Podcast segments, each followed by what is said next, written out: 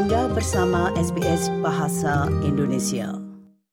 Pendengar, vaping awalnya dipromosikan sebagai alat untuk membantu orang berhenti merokok. Namun, rokok elektronik vaping ini telah berubah menjadi produk rekreasi yang sangat populer di kalangan anak muda.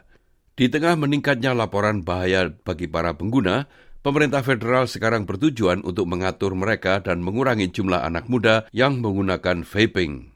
Berikut ini laporan selengkapnya dari SBS. Setelah bertahun-tahun merokok, wanita berusia 20-an ini mulai menggunakan rokok elektronik atau vape 9 bulan yang lalu. Ia ingin tahu apakah ia menyukainya dan apakah itu akan membantu mengurangi asupan nikotinnya. I didn't really enjoy it at first, but eventually, you know, they do have nicotine in them. So I, that same dopamine hit that I was chasing with cigarettes, eventually it was just replaced. Ia mengatakan ia memiliki perasaan yang campur aduk tentang vaping. Tidak memiliki pakaian yang berbau asap rokok dan bisa lebih berhati-hati saat mengisapnya, pastilah merupakan sebuah nilai tambahan. Namun ia tidak begitu yakin sejauh menyangkut kesehatannya.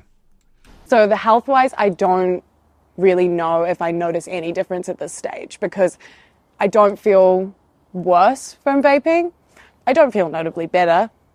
It's kind of just, I don't crave nicotine. So that's probably the biggest thing is that I stopped smoking, but I'm still addicted to nicotine and I'm still using it. So. Rokok elektronik ini diperkenalkan 15 tahun yang lalu. Saat itu mereka terlihat sebagai versi plastik dari rokok biasa yang tidak terlalu populer. Sekarang beberapa di antaranya bisa disamakan dengan mainan atau pulpen stabilo. Mereka juga awalnya dimaksudkan sebagai alat untuk membantu orang berhenti merokok dan sekarang mereka dipasarkan sebagai hiburan rekreasi. Profesor Becky Freeman dari University of Sydney School of Public Health mengatakan bahwa mereka telah menarik kaum muda dalam beberapa tahun terakhir ini. Teenagers, so that age 13 to 17 year old bracket, are some of the biggest users of these products. And again, young adults, age 18 to 24, a population that we have, you know, they've grown up with health warnings on cigarette packs, anti smoking ads on television. You can't smoke in indoor public places.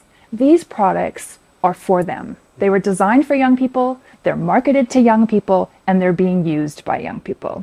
Pada tahun 2018, hanya 2% dari anak berusia 14 hingga 17 tahun di Australia yang dilaporkan sebagai pengguna vaping. Anita Dissex, Ketua Komite Kesehatan Masyarakat Dewan Kanker New South Wales mengatakan bahwa jumlahnya sekarang telah mencapai 6 persen. Over the course of, let's say, the past two decades, Australia has been at the forefront of seeing some of the lowest uh, smoking rates in the world, especially amongst 18 to 24 year olds, as well as 14 to 17 year olds. Um, unfortunately, what we've seen over the past five years is we've seen an upkick in smoking, um, which does happen to coincide with where we've seen a really significant increase in vaping. Di Australia saat ini, membeli, memiliki atau menggunakan produk vaping yang mengandung nikotin tanpa resep dari dokter umum terdaftar dan juga menjual vaping kepada anak-anak di bawah usia 18 tahun adalah ilegal. Saat ini, importer dan vendor masih terus menjual apa yang mereka katakan sebagai vape bebas nikotin. Namun menurut penelitian yang dilakukan oleh Profesor Freeman yang memimpin proyek yang disebut Generation Vape, dalam banyak kasus hal itu tidak benar. If you're a young person, you're led to believe that there's just water vapor in these products with a little bit of flavor, and nothing could be further from the truth. We know from lab studies they contain very high concentrations of nicotine. They have traces of heavy metals, which are harmful. And when you compare them to, say, household products like nail polish remover, um, cleansers, bug sprays, those same chemicals can be found in vaping products. Ia juga menunjukkan bahwa nikotin sangat membuat ketagihan, terutama bagi orang di bawah usia 25 tahun yang otaknya masih berkembang. Vape di Australia dapat dijual jauh lebih murah daripada rokok dan tersedia dalam berbagai rasa yang menarik dan desain yang penuh warna. Mereka juga mudah disembunyikan karena bentuknya menyerupai mainan atau gantungan kunci. Pada bulan Mei yang lalu, pemerintah federal Australia mengumumkan reformasi vaping baru yang mereka harap dapat diperkenalkan ke parlemen pada akhir tahun ini. Tujuan utama dari undang-undang yang diusulkan adalah untuk mengizinkan vape hanya dijual di apotek, melarang semua produk vaping non-resep, apakah mengandung nikotin atau tidak, meningkatkan standar kualitas, mengurangi konsentrasi nikotin, melarang vape sekali pakai, dan memperlakukan seperti obat-obatan kemasan. Profesor Freeman memuji inisiatif pemerintah yang baru itu, namun ia juga memperingatkan pemerintah. We have a really small window of opportunity to act now with urgency before I think it's too late and we won't be able to, you know, prevent this whole generation from being addicted for decades. So acting urgently and decisively is exactly what we need. Pemerintah mengatakan proposal mereka menargetkan importir dan vendor, bukan konsumen. Diharapkan sumber daya yang lebih sedikit akan diperlukan untuk menghentikan impor ilegal di perbatasan negara. Anita The Sex mengatakan tujuan utama dari undang-undang yang diusulkan itu adalah untuk membuat sesulit mungkin bagi anak-anak untuk mengakses produk tersebut.